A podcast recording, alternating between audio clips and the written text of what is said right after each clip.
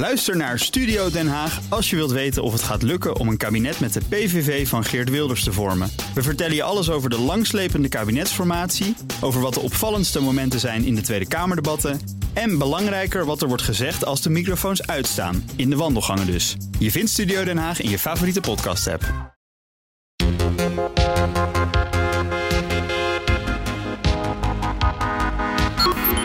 Het belang dan voor de EU om, om hier een behoorlijke rol te spelen en te blijven spelen? Misschien een grotere rol te gaan spelen? Nou, dan, dan hebben we het over het bewaarden van, van de stabiliteit in de, in de internationale orde. Daar zouden we potentieel een bijdrage toe kunnen leveren. Dus dat als we het overlaten aan de VS en China, dat het nog sneller escaleert. En dat er te weinig staten zijn in de regio die, die een van beide kunnen afwemmen. Maar dan blijf je dus toch in die rol van mediator. Ik weet niet, ik weet niet of Ja. het goed of slecht is, maar dat is, dat is de meest Nee, voor de hand liggende rol. We zouden die rol ook niet kunnen spelen, maar dan, dan, is, dan is het gewoon, moeten we passief op de achterbank wachten hoe dat afloopt daar. Nou, we hebben enorme belangen, economische belangen. Als er daar een oorlog plaatsvindt, dat, nou ja, dat, dat moet er vanuit gaan dat het een oorlog is die beperkt blijft tot de regio. Dat het niet gevolgen heeft voor wat Rusland in Europa doet. Dat er geen kernwapens gebruikt worden, enzovoort, enzovoort. Wat nog beter zou zijn als we die doos van Pandora gewoon gesloten houden.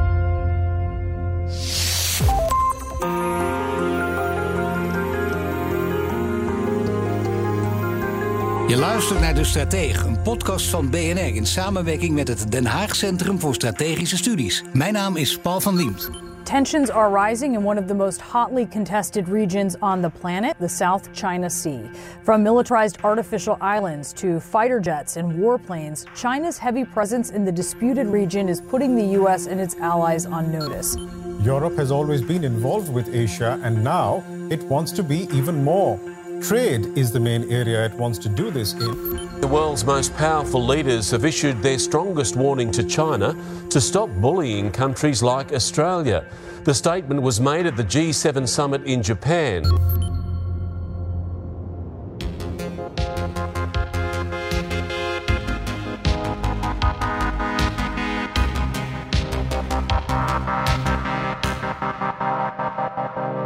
Spanningen tussen China en de Verenigde Staten lopen steeds hoger op en de Indo-Pacific voelt dit. Maar de Europese Unie heeft vooral een groot economisch belang en probeert mede daarom de vrede te bewaren.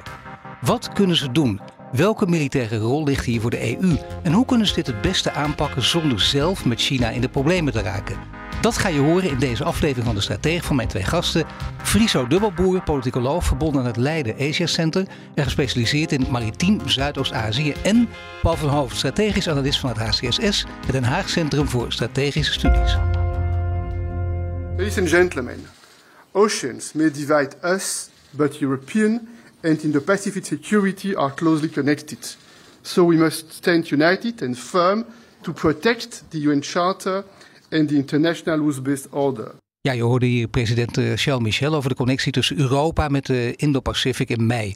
En we gaan het zo hebben over de samenwerkingen tussen de regio en de EU. Maar eerst China en de VS. Want de spanningen tussen China en de VS en de Indo- Indo-Pacific lopen steeds verder op. En vooral dat ballonnenincident, die spionageballon, die heeft de situatie verder op scherp gezet. Maar is het alleen maar iets van de laatste drie of vier jaar, eh, Friso? Of gaat het veel verder terug?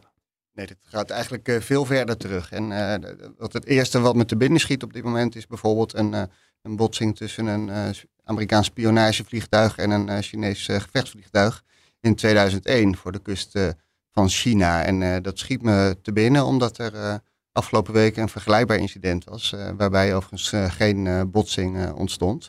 Maar dat geeft wel aan dat dit echt al decennia speelt. En hoe serieus is het dan ook? Want het speelt al decennia, dus dat is waar. Dan kun je denken, nou ja, goed, dat gaat er wel een tijdje zo door. Er zit blijkbaar geen hele grote strategie is van belang om dit meteen op te gaan lossen. Staan we op de rand van een conflict nu in deze regio? Is het nu zo serieus? Eh, ik denk dat het heel serieus is, eh, omdat het eh, gaat om hele grote belangen. En in tegenstelling tot bijvoorbeeld de situatie in 2001 is de, si- de situatie tussen China en de Ver- Verenigde Staten structureel veel gespannener. Hè. In die tijd eh, was China nog niet eh, in de positie die het nu heeft, eh, helemaal aan de top van de, van de eh, apenrots, eh, zo te zeggen. Nee, maar ik check het toch. Ik geloof jou natuurlijk op je woord. Hè? Maar ja, Paul van Hoofd heb ik niet voor niks hierbij staan. Hè? Is het echt zo zwaar en serieus? Want soms verschillen de meningen daar wel over. Ja, ik denk dat het heel serieus is. En kijk, we hebben nu inderdaad dat in het nieuws een aantal van die incidenten zijn. Dat ballon-incident, hè, dat is heel, het is heel makkelijk te volgen voor iedereen. Uh, aanvaringen. Zo, dat, dat is allemaal heel duidelijk. Maar we hebben eigenlijk bouwt het al 20, 25 jaar lang op. En in Europa is dat, is dat niet duidelijk geweest. Hè. De laatste vier jaar zijn we langzamerhand door de, door de verstoring van de aanvoerlijnen met COVID, de nieuwe spanningen rond Taiwan, een soort bruske Chinese diplomatie, zijn we er een soort bewust van geworden. Maar de VS en China bereiden zich al decennia lang eigenlijk langzamerhand met een steeds hogere snelheid nu voor op een oorlog met elkaar. Dus de China bouwt bepaalde uh, middellange afstandsraket waarmee het uh, Amerikaanse vliegtuigschepen zou kunnen vernietigen, Amerikaanse havens, luchthavens, uh, vliegtuigen uit de lucht kan schieten. De VS probeert te kijken hoe ze soort nog sneller, nog verder kunnen wapens kunnen gebruiken. Dus dat is, al, dat is al heel erg lang aan het intensificeren. En we weten ook dat Obama al 13 jaar geleden zei dat de VS bezig zou zijn met een Pacific Pivot. Alleen vanuit het Europese perspectief waren wij toen vooral bang dat, we daar, dat wij daardoor niet genoeg aandacht zouden krijgen. Wat we niet zagen is dat voor de VS al een kwart eeuw lang, na, na het eigenlijk het wegvallen van de Sovjet-Unie, duidelijk was dat China de, de grootste uitdager zou zijn. Maar we zijn natuurlijk op alle gebieden wakker geschud, inderdaad, door alles wat er in Oekraïne ook gebeurt. Dan kijken we hier nu ook met andere ogen naar. Maar zo, met, zo zelfs dat, dat ook een wereldoorlog hier mogelijk is. Ik denk dat een, ja, ik denk dat het. Ehm, ik denk dat de kans op, op een oorlog tussen de VS en China behoorlijk hoog is.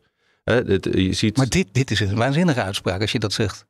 Ja, maar als ik zeg hoog, betekent niet dat, dat, dat ik het morgen verwacht. Omdat ze beide alles uiteindelijk in het werk stellen om te deescaleren. Ja, dus ze, ze, hebben, ze hebben nu alles zo erg klaargezet. Amerikaans buitenlands beleid is zo gemilitariseerd.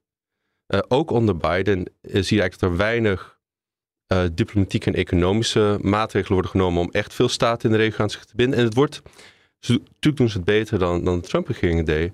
Maar ja, dan is Oekraïne natuurlijk ook weer een enorme afleiding geweest. En nu valt de Oekraïne-oorlog ook samen, uh, waar, waar, je grote westerse solidariteit zag. Uh, en dan bedoel ik wester in een soort hele brede zin, inclusief Japan en Zuid-Korea en zo. Wat, je daar nu, wat er nu bij is gekomen, is tegelijkertijd ook die exportcontroles tegen China. Dus een, een soort Waar Trump een soort hele botte eh, vorm van economische oorlogvoering deed, is Biden eigenlijk nog veel verder gegaan. Die probeert nu, de, de Biden-regering probeert echt de, de economische ontwikkeling van de hoogstaande technologie uh, in China te stoppen. En dat gaat nu, vindt nu gelijktijdig plaats met de Oekraïne-oorlog. Dus het maakt is niet alsof we daar nu een soort nog aan, uh, aanknooppunten kunnen vinden met, om, voor diplomatie met China. Nee, dat betekent dus wel dat de situatie echt, om het dan maar in deze termen te gieten vriezen, op letterlijk op scherp staat. Bovendien in Amerika verkiezingen, dan kan het weer een hele andere kant op gaan, misschien nog scherper worden. Is het ook zo dreigend? Je wil niemand bang maken, maar je wil ook uh, de boel niet te slaap sussen. Uh, ik denk inderdaad, net als Paul, dat het best dreigend is. Op dit moment ben ik niet zozeer bang voor een acute aanval bijvoorbeeld van China op Taiwan. Ik uh, maak me momenteel eerder zorgen over uh, een, een uit de hand gelopen misverstand rond de Zuid-Chinese Zee. Bijvoorbeeld zoals met die, met die botsing tussen die twee vliegtuigen, zoals we in 2001 zagen. Ja. En de situatie is momenteel zoveel meer gespannen dan in die tijd. dat ik dat echt een, een, een punt van zorg vind. Nou, zeker op korte termijn. Hè? Want als je kijkt naar de landen in de ASEAN, die organisatie van tien landen, die hebben onderling, maar ook met China conflicten op die Zuid-Chinese Zee. Dat zijn dus hele grote problemen. Misschien aardig wel een paar landen uit die. Er zit Thailand zit erbij, Cambodja, het is Indonesië geloof ik ook een groep van tien. Ja, het is een vrij diverse groep uh, van, van tien landen inderdaad. En uh, een deel ligt vlak tegen China aan, zoals Laos, Cambodja en, en Vietnam. En aan de andere kant van het spectrum heb je ja, de maritieme staten, zoals bijvoorbeeld de Filipijnen, ja. Singapore en Indonesië. Die liggen wat, wat verder van China af, aan de andere kant van de zee. En dat schetst ook in het kort een beetje de, de verschillende geopolitieke positie van, van die landen. En dat verklaart vaak een iets verschillende benadering van China, toch binnen die groep van ASEAN-landen. Maar die verschillende landen, die ASEAN-landen, die tien, die dus duidelijk verschillen ook weer van elkaar, ja, die, die moeten een balans zoeken. China is daarin heel belangrijk voor de economie. Maar anderzijds is, is China als grootmacht voor hen ook heel gevaarlijk. Dus hoe zit dat dan precies? Want je wil een balans zoeken, maar waar tussen precies? Gaat dit altijd hier weer tussen geopolitiek en economie? Of zit er nog wat anders achter? Nou, dat is wel het belangrijkste punt inderdaad. Als je kijkt naar, naar uh, economie, dat, dat is, uh, China is uh, veruit het belangrijkste land, economisch gesproken, voor de, voor de rest van de regio.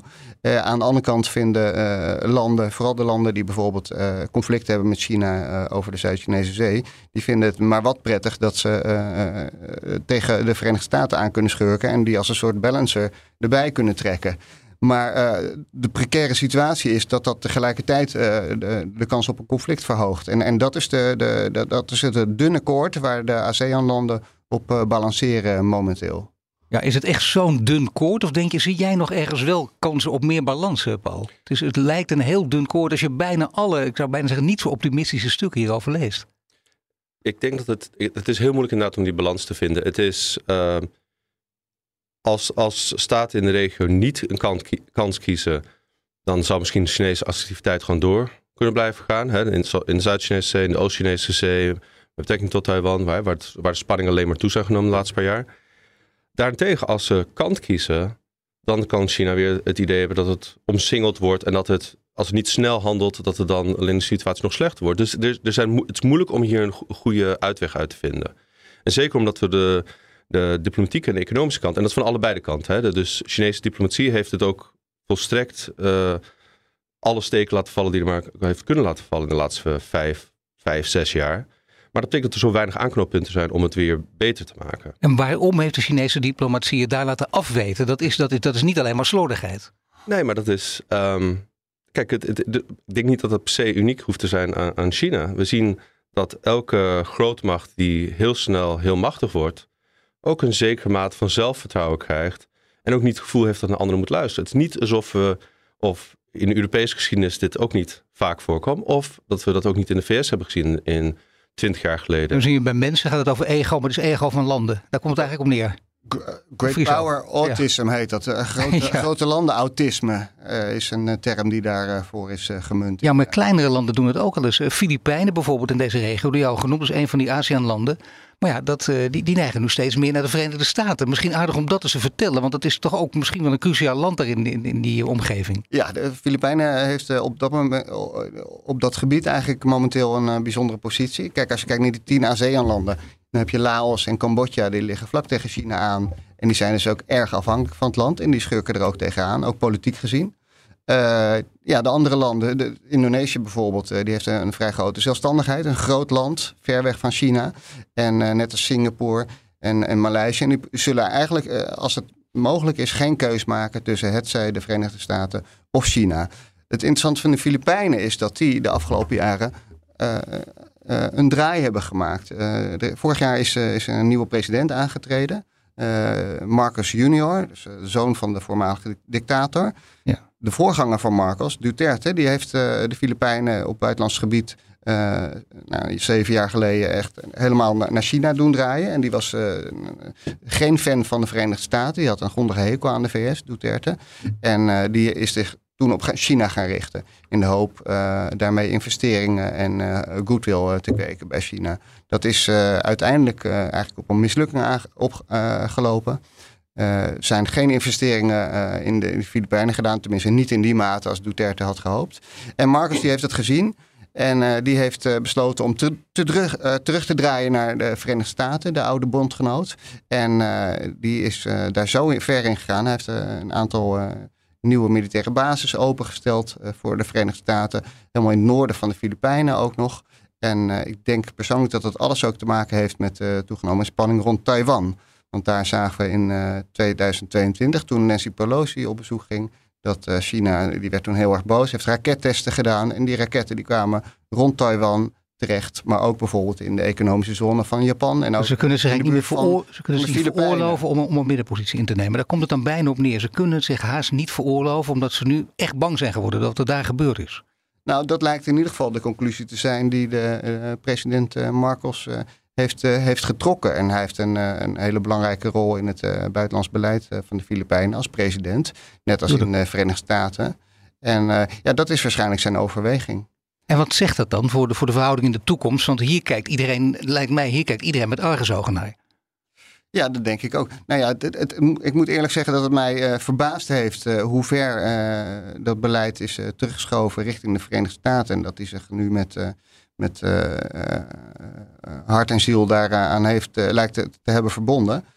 Um, ja, dat heeft me echt verbaasd dat zij van die, van die uh, balancing positie uh, opzij geschoven zijn, weer helemaal richting de Verenigde Staten. De vraag is uh, wel, en ik, ik, had het daar nog eventjes over met Paul. Paul van Hoofd, deze maand, met Paul van Hoofd. Ja, nee, dat het feit dat die positie zo snel kan verschuiven richting de VS, betekent natuurlijk ook dat er instabiliteit is. En dat het no zo nog een keer terug zou kunnen schuiven. Dus dat, dat is ook een teken van instabiliteit in feite. Het is ook gevaarlijk, omdat China dit ook ziet. En die zien dit ook. En die denken, kijk eens even, Filipijnen, waar ben je mee bezig? En de Verenigde Staten op dit uh, gebied van de wereld. Hoe zit dat precies? Zijn alle ogen de komende tijd ook vooral op Filipijnen dan gericht? Met name van de Chinezen of niet? Los van Taiwan uiteraard. Ik denk niet dat alleen, uh, het zal niet alleen de Filipijnen zijn. Kijk, we, zien ook in de afgelopen jaar dat uh, Japan is weer veel meer gaan investeren in defensie. Heeft ook een aantal nieuwe capaciteiten erbij ge, bijgenomen die veel meer zijn voor een soort conventionele, bedoeld zijn voor een soort conventionele oorlog. We zien ook dat een land als Zuid-Korea dat in een extreem moeilijke positie zit. Hè? Uh, eigenlijk, eigenlijk een de facto een eiland is. Hè? Een, een, buur, een noorderbuur waar het niks mee, die het alleen maar wil bedreigen. En dan tussen Japan en China in.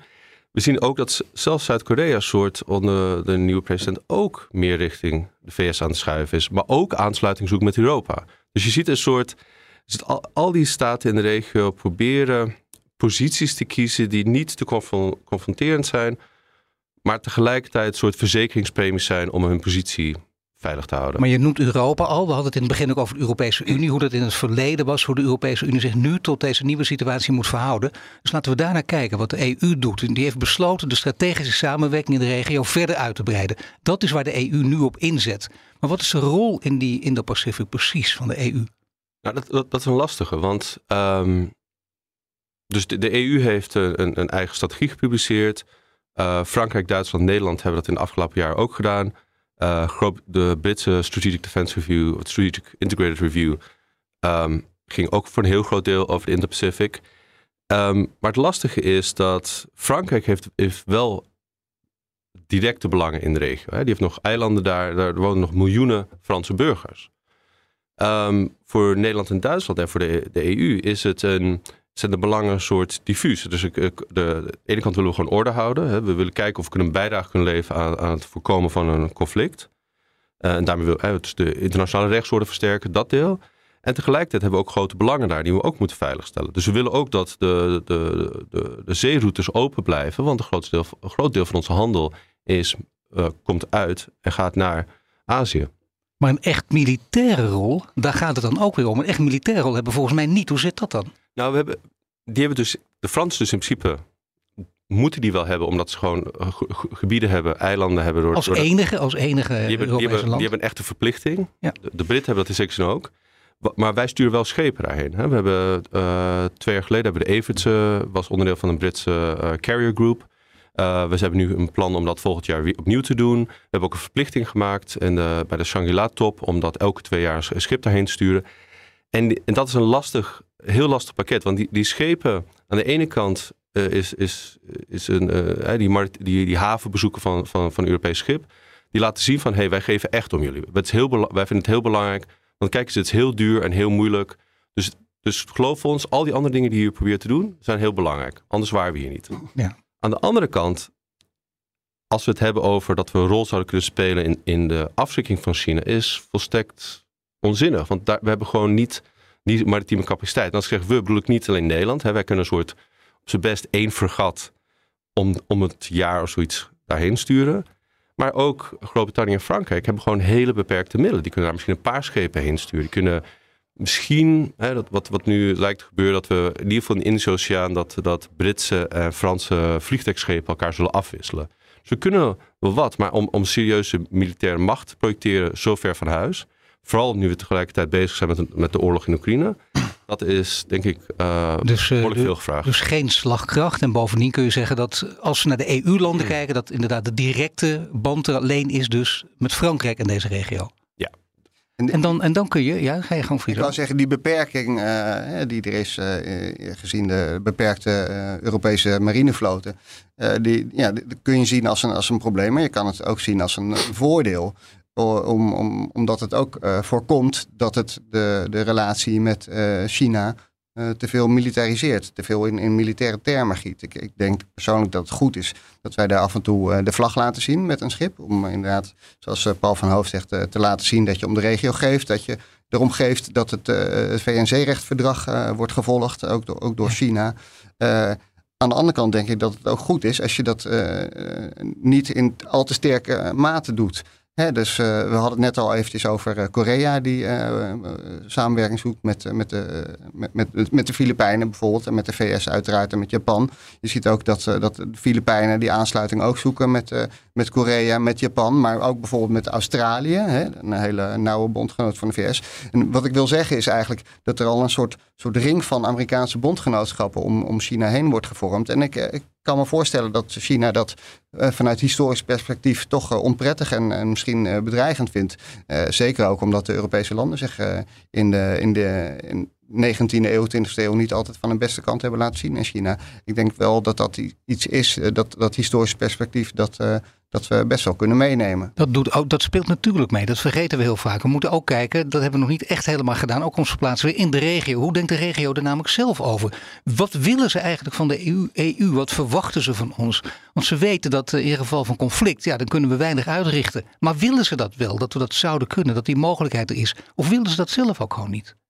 Nou, ik, ik, denk dat uh, de, de ASEAN-landen, de tien landen in de regio waar we het net al eventjes over uh, hadden, die allemaal grotendeels rond de Zuid-Chinese zee liggen. En daarbij ook nog uh, Laos en Cambodja en Thailand.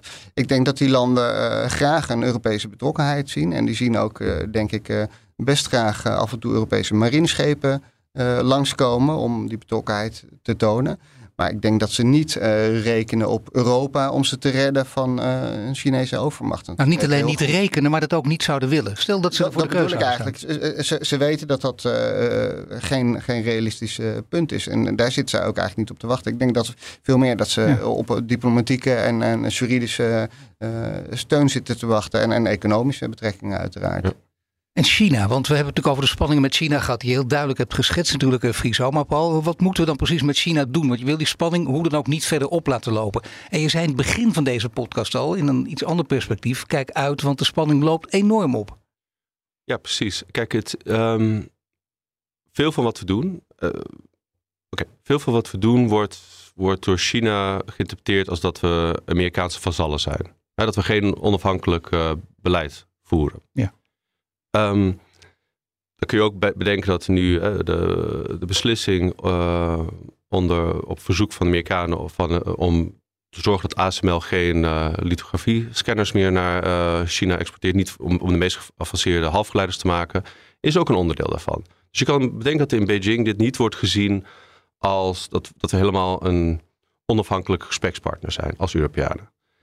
Dus als we daar aanwezig zijn en, en we de vlag laten zien, wat ik ook denk dat goed is, dan zou het goed zijn om dat ook soort, zoveel mogelijk te scheiden van wat de VS aan het doen is. En dat is een heel lastige balanceeract. Dat betekent niet dat we, dat we ons afzetten tegen de VS, maar dat we proberen juist te laten zien dat. Je bent geen schoothondje. Daar gaat het om. En, en, dat je om orde geeft, dus dat je geeft om, om uh, de uh, juridische kaders uh, van maritiem recht, dat je geeft om vrije doorvoerroutes maar niet die andere, andere elementen. Dat je niet kant aan het kiezen bent tegen China. Maar dat je wel tegelijkertijd steun biedt aan staten in de regio. Dat je helpt met capaciteitsopbouw. Dat je genoeg, dit is ook weer lastig. Kijk, dus de ASEAN-landen zijn, zitten niet te wachten op een militaire aanwezigheid van Europa. Maar Japan, Australië, wel, in zekere zin. Die willen dat graag. We zien nu ook dat uh, wordt ook, ook een, uh, een, kantoor van de NAVO geopend in uh, Japan. Dus we zien ook dat, dat de NAVO soort langzamerhand nu ook de Indo-Pacific ingehaald wordt. Eerst eigenlijk als consultatiemechanisme tussen, tussen landen die het met elkaar eens zijn. Maar daar loop je. Voor mediator was je bijna. Maar wat, wat als we nu echt puur naar de harde belangen kijken? Wat is het belang dan voor de EU om, om hier een behoorlijke rol te spelen en te blijven spelen? Misschien een grotere rol te gaan spelen? Nou, dan, dan hebben we het over het bewaarden van, bewaarden van de stabiliteit in de, in de internationale orde. Daar zouden we potentieel een bijdrage toe kunnen leveren. dus dat als we het overlaten aan de VS en China, dat het nog sneller escaleert. En dat er te weinig staten zijn in de regio die, die een van beide kunnen afremmen. Maar dan blijf je dus toch in die rol van mediator. Ik weet niet, ik weet niet of het goed of slecht is, maar dat is, dat is de meest voor de hand liggende rol. we zouden die rol ook niet kunnen spelen, maar dan, dan, is, dan is het gewoon, moeten we passief op de achterbank wachten hoe dat afloopt daar. En, en we hebben er enorme belangen, economische belangen. Als er daar een oorlog plaatsvindt, dat, nou ja, dat, dat moet er vanuit gaan dat het een oorlog is die beperkt blijft tot de regio, dat het niet gevolgen heeft voor wat Rusland in Europa doet, dat er geen kernwapens gebruikt worden, enzovoort, enzovoort. Wat nog beter zou zijn als we die doos van Pandora gewoon gesloten houden. En misschien, ja. want de EU, we onderschatten, kijk, de EU heeft misschien niet zoveel schepen, maar we hebben wel een enorme economische macht. En we hebben eigenlijk een veel grotere economische macht in de regio dan we, dan we begrijpen. Maar hoe, hoe groot zijn die, die economische belangen dan? Want dat, dat blijft natuurlijk eh, ook een, hele belangrijke factor, uh, Friso. Hoe groot zijn die economische belangen in de regio? Nou, het is uh, moeilijk om daar een cijfer op te, op te, te plakken. Maar uh, ik denk, denk, dat het goed is om te weten dat uh, de, de, routes door de Zuid-Chinese Zee, dat die uh, volgens mij de, de dichtbevaren scheepvaartroutes vormen ter wereld. Misschien samen met de straat van Hormuz. Klopt. Dus die, dus die is immens en die is, ja, dat, dat, dat hoef je ook eigenlijk niet te relativeren. Dat is van enorm belang. Ja. Nou, bijvoorbeeld 30% het laatste cijfers waar ik, waar ik nog vanochtend even naar keek. 30% van de export van de EU is met Azië. 45% 44% van onze invoer is uit Azië. De eerste, de eerste land daarvan is China, dan Japan, dan Zuid-Korea en dan ga je, ga je door. Dus daar zitten, en alles gaat inderdaad over water. Hè. Water is de beste manier om, om, om, eigenlijk de enige manier om op economisch rentabel spullen te vervoeren. En alles gaat door de staat van Taiwan, door de Zuid-Chinese Zee, door de staat van Malacca. Dus als daar verstoringen komen, verstoringen, soort een oorlog komt, dan ligt het lange tijd stil. Als we ehm, begin 2000, wat was het, 21, eh, toen uh, weet je nog dat de staat van de Suez, Suezkanaal dicht lag door dat containerschip. Ja. En dat was een schade voor de wereldeconomie van iets van 6 tot 10 miljard. Dat betekent dat schepen, in plaats van dat ze het in 25 of 30 dagen konden varen, werd het 40 dagen als ze van Oost-Azië naar Rotterdam wilden varen. Dus je kan voorstellen hoeveel kosten erin zitten. Nee, het gaat dus om enorme bedragen, enorme percentages ook die je noemt, Giso. Ja, nog even uh, concreet. Uh, ik las vanochtend in, uh, in het FD overigens nog even een staartje over Taiwan en de investeringen daar. Japan is daar de grootste investeerder en daarna de VS. ik geloof dat Nederland de vijfde grootste investeerder is in Taiwan, nog voor de grote drie uit Europa. Dus Nederland zit wat investeringen daar betreft nog voor Engeland, Frankrijk en Duitsland. Nou ja, dan weet je dus wat er op het spel staat. Dat betekent dat die balanceeract die, die, dat die nog veel groter gaat worden, veel belangrijker gaat worden. En dat we dus inderdaad niet moeten meebuigen met de VS. Laten we zeggen, niet in die oude reflexen vervallen. En zeker niet in de ogen van met name de Chinezen, Paul. Dat, dat is, is dat misschien het meest cruciaal in, dit hele, hele, deze hele affaire? Precies, dat zou ik zeggen. Kijk, we hebben, we hebben genoeg er zijn zoveel andere manieren en ook dingen die we niet alleen zouden kunnen doen, maar ook moeten doen om de transatlantische relaties te versterken. Um, we zouden veel meer kunnen doen voor onze eigen veiligheid in Europa. We zouden de maritieme routes in de Rode Zee, Persische Golf, daar kunnen we een bijdrage leveren. Heeft de VS meer middelen over. Maar dit doen in de, in de, in de, in de Pacific, we voegen heel weinig toe. We, we zetten de situatie alleen misschien nog meer op scherp. En uiteindelijk gaat het misschien ook ten koste van wat we hier nog in Europa ook moeten doen. Nou ja, we kunnen dat spel natuurlijk spelen. En dat zie je op andere gebieden ook gebeuren. Dat we een beetje wisselen tussen NAVO en, en, EU. Ook in dit geval. Dat we denken, dit is NAVO, dit is EU. Dat je dat een grote rol gaat spelen. Maar nu wil precies weten wie wat kan doen. Precies. En dan zou je kunnen denken dat, dat je de...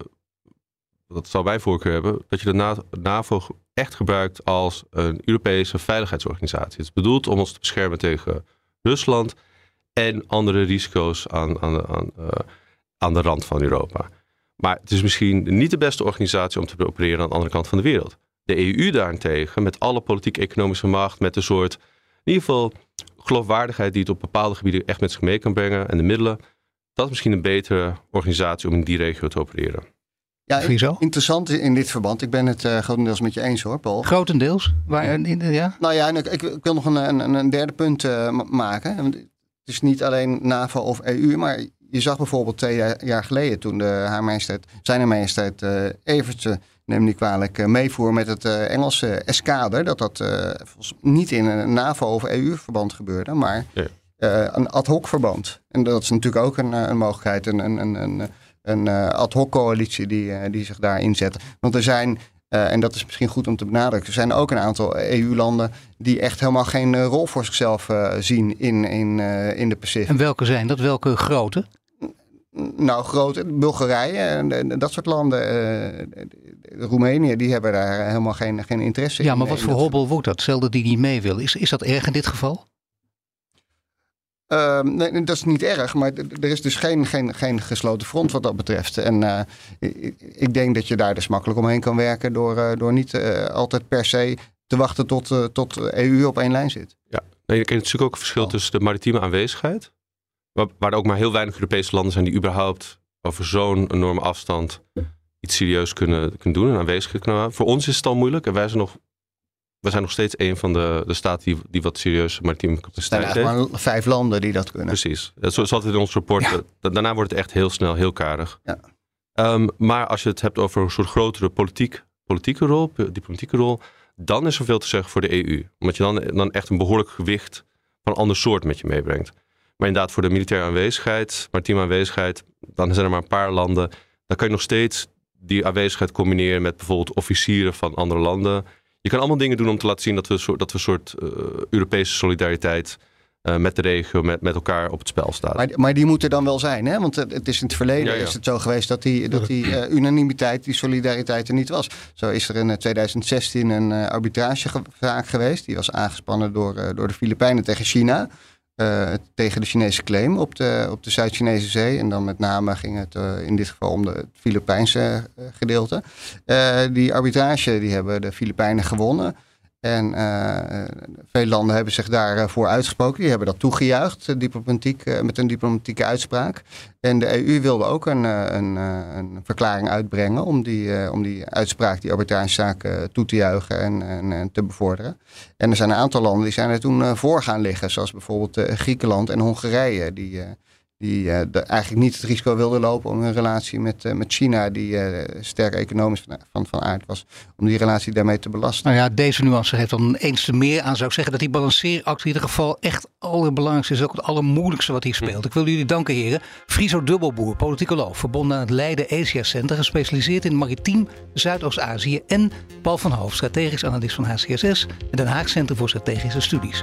En wil je de stratege vaker luisteren? Abonneer je meteen in je favoriete podcast en tot de volgende keer.